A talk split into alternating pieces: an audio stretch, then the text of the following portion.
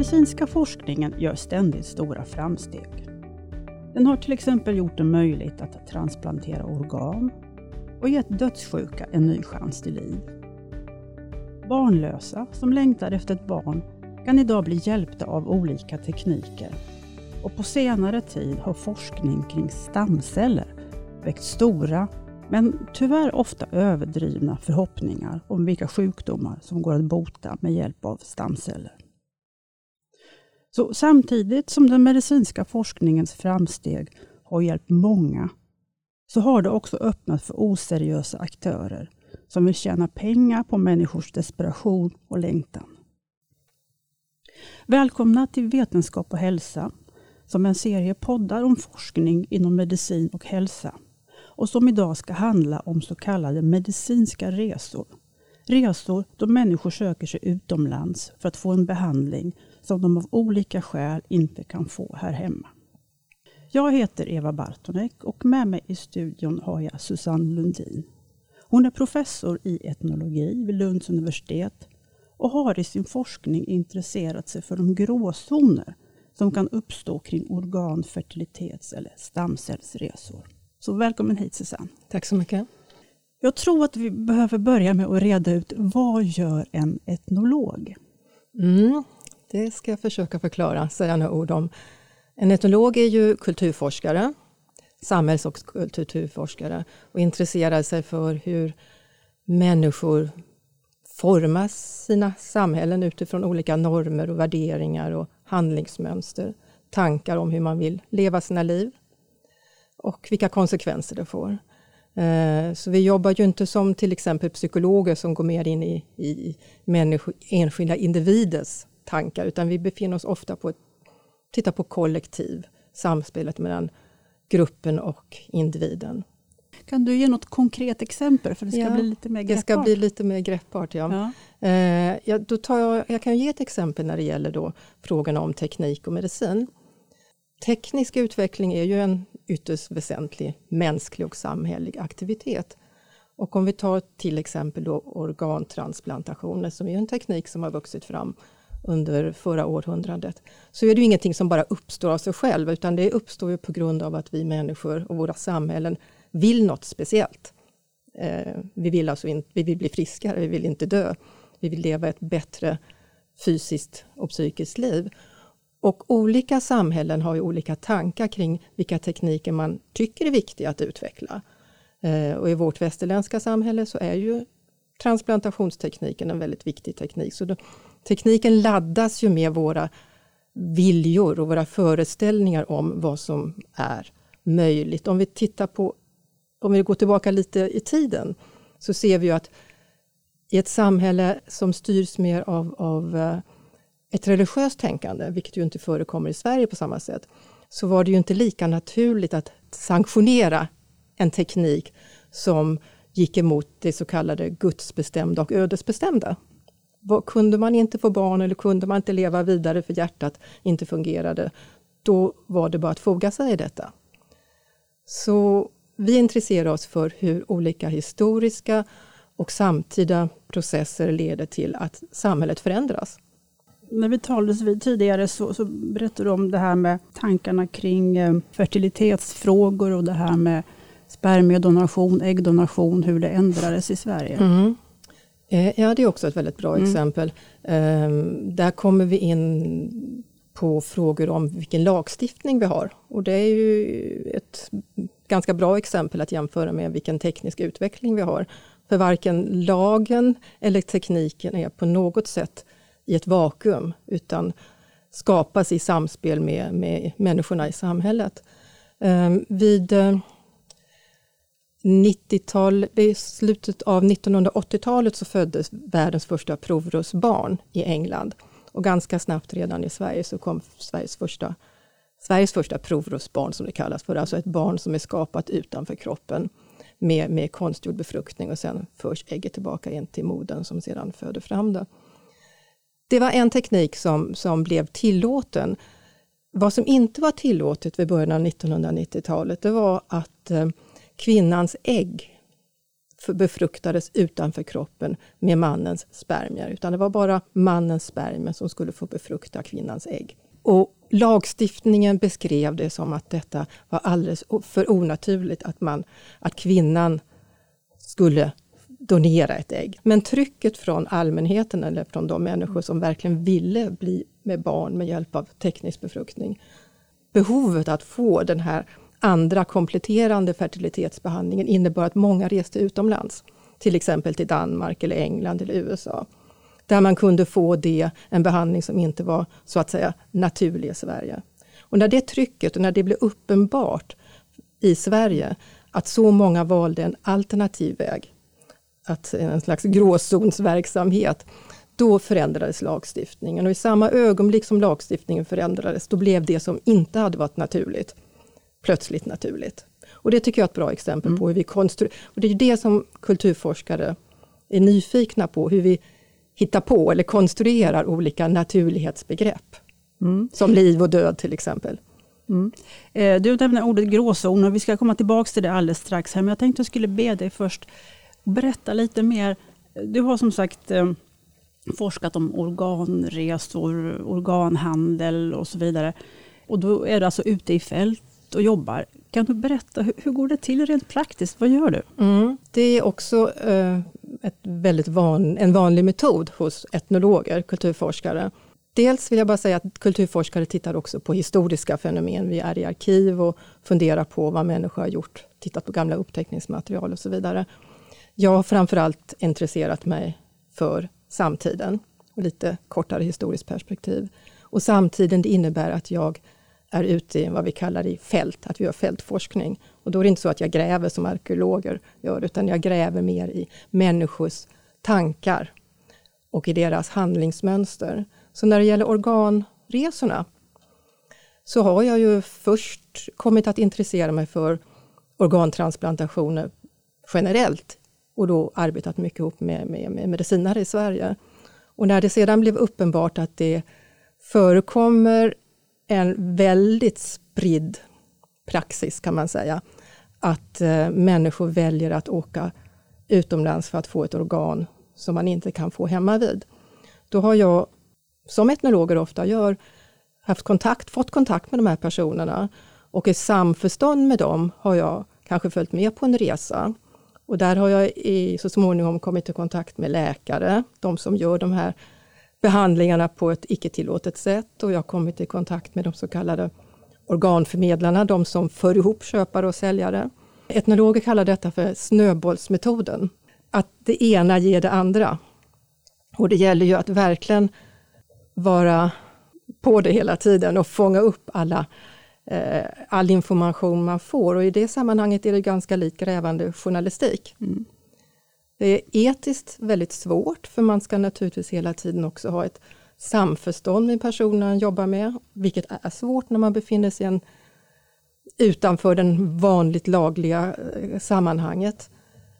Men den här metoden leder då till att man också reser vidare till olika länder, mm. vilket jag har gjort. Ja. Men är det inte farligt ibland att tänka att du kommer i kontakt med läkare som gör det på olagligt mm. vis och så vidare? Att, eh, ja, det låter inte helt ofarligt det är ju en svart marknad. Eh, och det kan väl många kriminologer och andra vittna om att det inte är helt lätt. Alltså så fort man lämnat skrivbordet så händer det ju någonting. Mm. Eh, och jag har ju hamnat i situationer som varit ganska obehagliga. Men vad som ändå är anmärkningsvärt när jag har då intervjuat läkare som har gjort saker som inte är okej okay enligt lagen, men som de kanske själva tycker är lite okej, okay, för de hjälper sina patienter och så vidare nästan alla vill berätta om sin verksamhet. Likaså de som är de så kallade organförmedlarna som verkligen är långt nere på den här hierarkin. Det är ju liksom ett helt system av folk som jobbar. Mm. De som rekryterar, det man kallar för rekrytera säljarna. Även de som befinner sig kanske i ett väldigt utsatt läge själva, på en väldigt fattig nivå, de vill berätta. Det är en slags, ett slags terapeutisk situation, vilket också gör det lite svårt etiskt. Eh, man pratar om stams, eller organresor och man pratar om organturism, stamcellsresor, stamcellsturism. Eh, det här valet av ordet resa kontra turism. Turism tror jag är ganska vanligt när det pratas om det, men du mm, föredrar att använda ordet resor. Kan du förklara varför? Ja, som du säger, turism är ju då medicinsk turism. Det är ju det som alla egentligen nämner som begrepp och då tänker man ju på kanske estetisk kirurgi eller att man köper glasögon eller fixar ögonen eller huden eller vad man nu gör i ett annat land. Så det för, det för ju tankarna till en, en ganska lätt behandling. Det för tankarna till att man gör när man ändå är utomlands och, har, och, och är turist och har, har semester. Det osynliggör, nämligen själva begreppet turism, osynliggör att det handlar om människor som griper efter sista halmstrået och inte vill dö och överskrider kanske en laglig eller en moralisk gräns. Det osynliggör att det handlar om kriminalitet, om att både köpare och säljare hamnar i en väldigt prekär situation. Det osynliggör ju också alla kriminella aktörer, läkare, organförmedlare, sjukhus som nattetid kanske genomför detta för en ganska hög penning. Allt detta syns inte. Mm. Och då, då, menar då, att... då, menar jag att det är bättre att tala om medicinskt resande. Mm. Det är inte optimalt heller. Mm. Jag tänkte att vi skulle ta och gå tillbaka till det här ordet, begreppet gråzoner. För medicinska resor kan ju vara helt legala, sanktionerade av sjukvårdssystemet. Ja. De kan vara helt illegala då. Men de här gråzonerna som du har intresserat dig för, kan mm. du, vad, vad, vad liksom, hur, hur, begränsar man det? Eller vad är en gråzon? Ja, det är ett svårt begrepp och det är mest ett begrepp som jag använder för att, för att visa att det inte är svart och vitt. Det handlar inte om att vi har en laglig situation eller att vi har en illegal mm. situation. Mm. Det handlar om att varje land och varje, varje nation, varje land har sin egen lagstiftning. Eh, och det jag sa lite här i början om fertilitetsbehandlingen, att man väljer att åka utomlands och göra det man inte, att få den behandling som man inte kan få i Sverige. Det är typexempel på att olika länder har olika syn på vad som är okej okay att göra. Och det här det förflyttandet mellan i den här det jag då kallar för gråzon, i det, i det, ga, det glappet som uppstår mellan olika lagstiftningar men också olika moralföreställningar. Det är det som jag kallar för gråzon. Och jag kan ge ett ganska tydligt exempel när det gäller organhandel. Världen över är all kommersialisering när det gäller organ.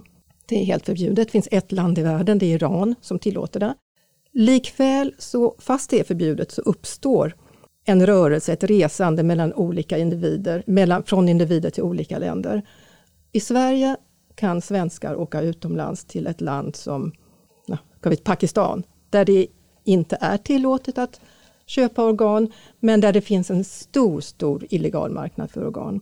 Man blir transplanterad där. Sen åker man hem igen och då har man gjort någonting som är förbjudet hemma vid som faktiskt också är förbjudet i ett annat land. Men när man väl är hemma så får man sin efterbehandling i Sverige. För den svenska lagstiftningen i det momentet bryr sig inte om vad som har skett utomlands. Och det är också ytterligare ett exempel på det jag vill kalla för gråzon och återigen, det är inget toppenbegrepp men det visar på den här komplexiteten. Mm. Ja, jag förstår att det är väldigt komplext det här. Mm. Det känns väldigt märkligt att, att en person åker utomlands och gör något olagligt och det är så uppenbart när de kommer tillbaka att det inte får några konsekvenser. Men, men så är det alltså. Så är det, men det diskuteras mycket. Vissa länder har infört nu eh, en praxis, eller en juridisk praxis, att eh, även de som åker utomlands och köper organ, de kriminaliseras. Okej, så i vissa länder är det så? Några få länder mm. har infört detta. Mm. Jag tror att det är Spanien till exempel. Och vi diskuterar det i Sverige. Okej. Okay. Jag tänkte att vi skulle gå över och prata lite grann om stamceller och eh, stamcellsresor. Men jag tänkte att jag ska börja med att definiera lite kort vad stamceller är för någonting. Stamceller är alltså omogna celler och vad som krävs av dem är att de dels kan föröka sig så att de kan bilda fler omogna celler. Men så ska de också ha en förmåga att vidareutveckla, specialisera sig för att bli olika då specialiserade celler som, som sen kan bilda organ eller vävnader i kroppen.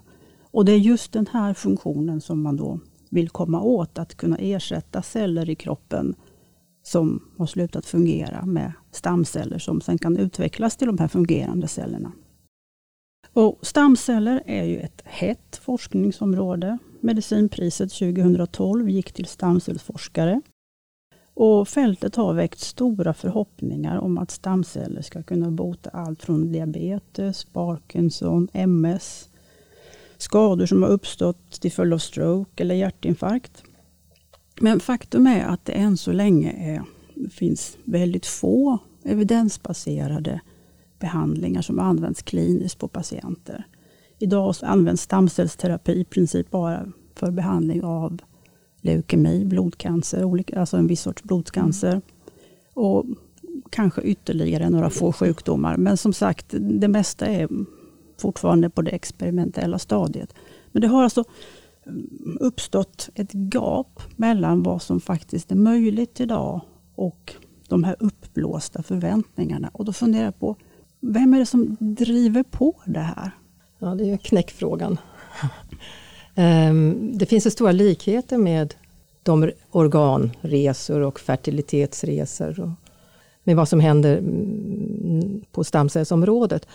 Och generellt, som jag ser det, så handlar det ju väldigt mycket om äh, människors drömmar och förhoppningar. Det är det. Var, mm, inte bara att jag vill inte dö, jag vill leva vidare. Jag vill leva ett speciellt slags liv också. Kanske inte som handikappad.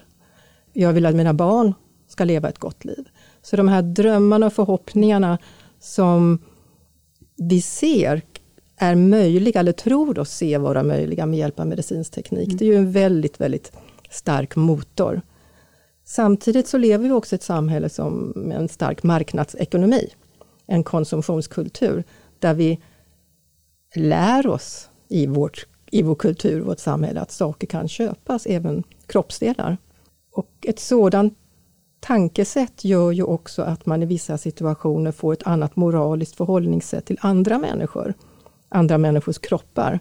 Att man kan se dem som med en prislapp. Det gör också att man samtidigt som vi lever i denna marknadsekonomi med ett konsumtionstänkande så lever vi också i en, ett neoliberalt samhälle som förlägga ansvaret allt mer på individen, alltså ett väldigt starkt individualiserat samhälle. Där vi förväntas dessutom ta ansvar för oss själva och våra egna kroppar. Det gör ju också något med oss människor att vi väljer alternativa strategier. Så det här det blir ett väldigt starkt paket. Förhoppningar som vi har. Vi lever i ett konsumtionssamhälle. Vi lever i ett samhälle som ålägger oss i det närmaste att ta ansvar för oss själva. Därifrån är steget inte så långt kanske att uh, tänka sig att ja, den här stamcellsforskningen som bedrivs i Sverige som absolut inte är tillräckligt utvecklad, mm, det kanske finns någonting någon annanstans. Och så går man in på internet och kollar och läser vad som finns. Mm. Jag tänker, på vilket sätt bidrar media till att pumpa in den här informationen och bidrar forskarna själva till att blåsa upp det? Vad, mm, finns det ja. något att säga om det? Ja, det gör det verkligen. Och bägge de sakerna du nämner, dels media är ju det filter kan man säga genom vilket medicinska landvinningar ja, filtreras ut till allmänheten och redan där sker ju en, ett urval. Och media har ju en benägenhet att vilja lyfta fram vissa saker och kanske extrapolera dem lite mer och göra dem mer Eh, stora och eh, visa på möjligheter än vad det finns. Så, så media har en, när stamcellsforskningen kom vid 2000-talets början, då kunde vi läsa hur mycket som helst kring vilka möjligheter det finns och det var nästan att framtidens dopgåva för det lilla barnet skulle vara någon slags liten stamcellskapsel eller något liknande. Så det finns väldigt mycket att säga om det. Samtidigt är det också så att forskare, det gäller ju mig själv, det gäller ju alla forskare, vi lever ju i detta marknadsekonomiska samhälle där vi ska profilera vår forskning. Och då gäller det ju kanske, och inte minst när det gäller den här typen av väldigt avancerad medicinsk-teknisk forskning, att också lyfta fram och kanske lite mer än vad som verkligen är fallet visa på de möjligheter som vi kanske redan har, ser inom, inom en snar framtid, men som inte riktigt stämmer. Eh, jag tänker, om man tittar på de här stamcellsklinikerna som finns där ute. Alltså, vilka är det som står bakom och vem är det som driver dem? Är det bara så att säga rena skurkar som vill profitera mm. på, på människors eh, desperation? Eller är det, Finns det också människor som faktiskt tror på det här? Att de på något sätt är naiva? Eller har du någon aning om vilka är det? Mm, det, är, det är verkligen både och. Och det gäller inte bara stamcellsforskningen, det gäller det andra vi har pratat om, fertilitetsbehandlingar och organbehandlingar på den svarta eller halvlegala marknaden. Där finner vi också forskare, eh, läkare som tror på sin sak. När det gäller organhandel så är det många som tycker att ja, men jag tar hand om patienterna. Vad som händer med de andra det spelar mindre roll. Så det handlar mycket om vilken människosyn man har i olika länder. När det gäller stamcellsforskningen så finns det en uppsjö av kliniker i olika länder som anser att det de gör är rätt och riktigt. Och detta känner vi igen rent historiskt sett inom alternativa, inom folk, gamla bondesamhället eller ja, du kan gå vilka tider du vill och titta på att det finns alternativa medicinska arenor. Där den som utövar den medicinska behandlingen eller ger läkemedel tror att detta är bra och anser att ja, någonstans ska man börja innan den vetenskapligt beprövade behandlingen kan sätta in. Eh, vi kanske inte vill ha, göra det med djurexperiment utan vi vill göra det på ett annat sätt och då faller man utanför den här legitima legala ramen för vetenskaplig forskning. Så det finns det. Sen finns det också en uppsjö av kliniker, eller vad jag nu ska kalla det för, som är rena rama charlataner och är ute efter att, att, att tjäna pengar. Så det är hela skalan. Mm. Och det rider ju på människors drömmar och förhoppningar igen. Jag tänker att som sagt, de annonserar på internet och de lovar allt möjligt. Då, och, och det är där som så att säga, kunderna eller patienterna hittar dem. Men jag tänker att, eh, och det sprids väldigt mycket via internet, men samtidigt eftersom de här behandlingarna inte fungerar, mm. så borde även det spridas på internet. Och då funderar jag på, hur kan de här klinikerna fortsätta att existera? Mm. Det är också en sån väldigt bra fråga. Och man ser det ju hela tiden hur olika hemsidor, och då gäller inte heller bara stamcellsforskning, olika hemsidor föds, läggs upp på internet, eh, stängs ner öppnas med, de öppnas med ett annat namn, men med samma innehåll. Och det ser vi hela tiden. Precis som du säger så är det ju så att väldigt många, det vi har sett i vår forskning, om vi säger så, för att ta ner det lite konkret här, så har vi undersökt under ett antal år folk som på internet har fått reda på var man kan få en så kallad alternativ stamcellsbehandling. Många av dem säger ju att ah, det ger inget resultat, men jag lite, lite, lite, jag kan röra, möjligen kan röra på lilltån lite grann, ja, MS eller någon annan eller någon neurodegenerativ sjukdom. Men det är kanske inte det som är poängen, utan för många handlar det om att det man berättar sedan för sina, i sina olika chattgrupper mm. som det ofta finns, det handlar om, om att ge råg i ryggen åt de andra. Att ha ett narrativ, en berättelse som gör att hoppet fortsätter att leva för att man ska verkligen orka vidare med detta. Så det är en grupp som vi kan väldigt tydligt se. Mm. Eh, sen finns det andra grupper som helt sågar detta och eh, det har ju varit fall där man har gått vidare till och anmält hos polisen och så mm. vidare och det har ju också i vissa fall gett resultat. Att stora ligor kan man nästan säga har, har, eh, har varit tvungna att lägga ner. Jag vet att du har med dig några exempel, citat från, från sådana här blogginlägg. Jag tänkte att, eh, vill du läsa upp dem? Ja, jag kan läsa upp. Dels, eh, dels har, vi ju dem, har vi gjort studier på, på olika blogginlägg och följt olika föräldrar också som försöker samla pengar, göra crowdsourcing för deras barn som ofta då har autism. Så där finns ett stort material på nätet man kan se. Så dels har vi jobbat med det och sen har vi också gjort fokusgrupper här i Sverige med svårt sjuka personer och förhört oss om vad de, om de har gjort det, om de kunde tänka sig göra och så vidare. Men när det gäller de här bloggarna, ett väldigt typiskt uttalande är, jag skulle kunna läsa upp det här. Ja, jag gör det. Men du gör mm. det. Eh, det är en kvinna och hon har varit flera, hon har, lider av MS och hon har varit flera gånger i Panama för stamcellsbehandling då på ett icke vetenskapligt beprövat eh, behandlingshem eller klinik. Och hon säger så här, jag är en stor supporter av stamcellsbehandlingar. Än så länge har stamcellerna inte botat min MS, men de har gett mig hopp om att kunna bekämpa sjukdomen. Det är viktigt att tro och hoppas. Därför berättar jag om mina erfarenheter och mina förhoppningar i min online-dagbok för alla som vill ha stöd. Så säger hon. Ja. Så det är, det är hoppet som ska på något sätt upprätthållas. Ja. Och hon har mm. ju betalt miljontals kronor mm. genom åren för detta. Mm. Men hon fortsätter. Mm. Du nämnde de här fokusgrupperna också. Mm. Finns det något att berätta om det? Vad viktigt som har kommit fram där? Ja, eh, vi har gjort ganska många fokusgrupper och det är både med människor, det är människor i Sverige då. Mm. Som Jag vill bara avbryta det här. Vi kanske väldigt kort bara berätta, vad är en fokusgrupp? Vi har ju pratat lite om hur kulturforskare och etnologer arbetar. Att vi dels tittar i arkiv, vi tittar i media, vad som händer på internet och så vidare. Jag då tittar på media, det kallas för att göra netnografi, alltså jag etnografi på nätet. Men vi arbetar mycket med att intervjua människor, göra så kallade djupintervjuer där vi sitter kanske flera timmar.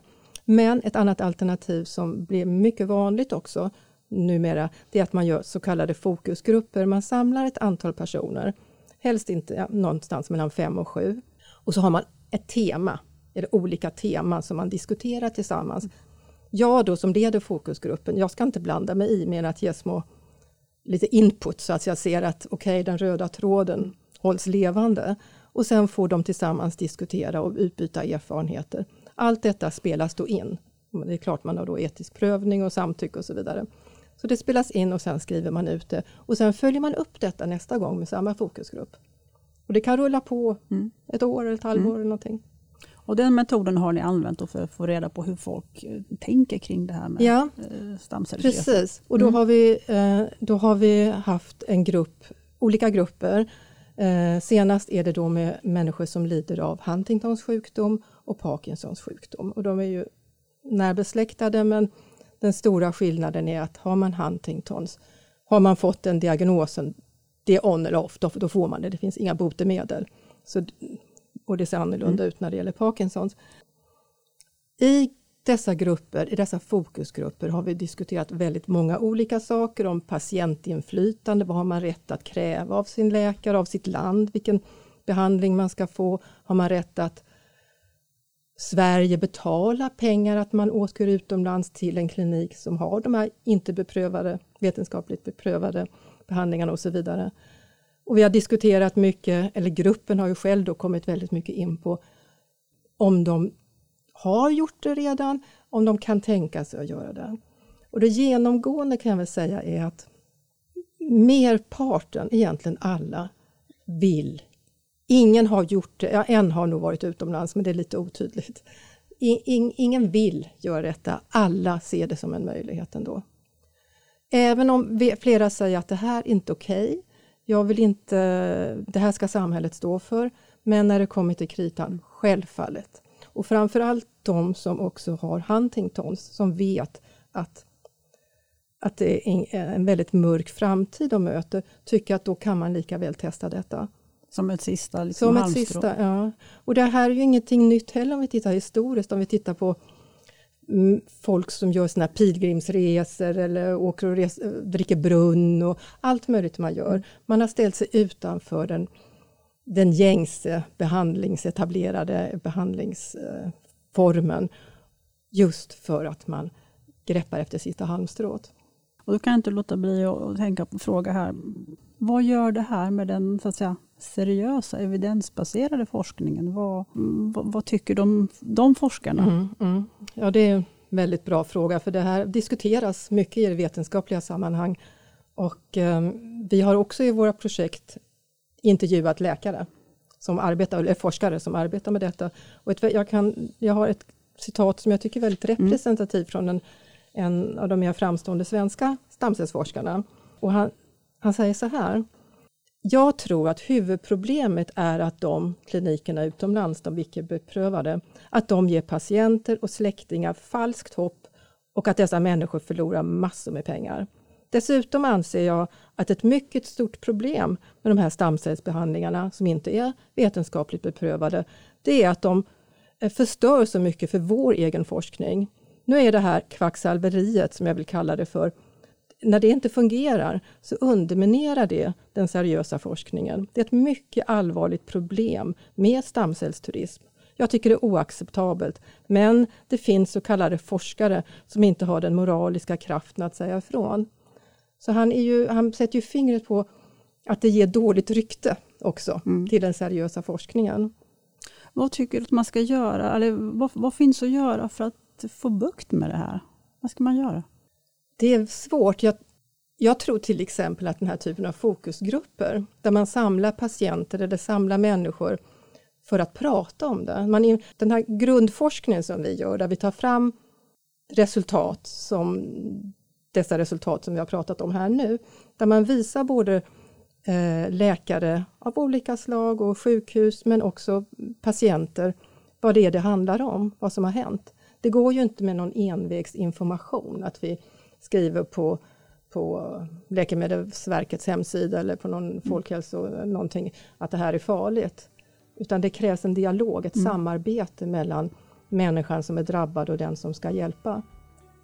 Att man lyfter en berättelse helt enkelt? Man lyfter en berättelse och det här mm. är erfarenheter som man verkligen kan ja. använda. Mm. Tack så mycket Susanne Lodin, professor i etnologi vid Lunds universitet för att du ville komma hit.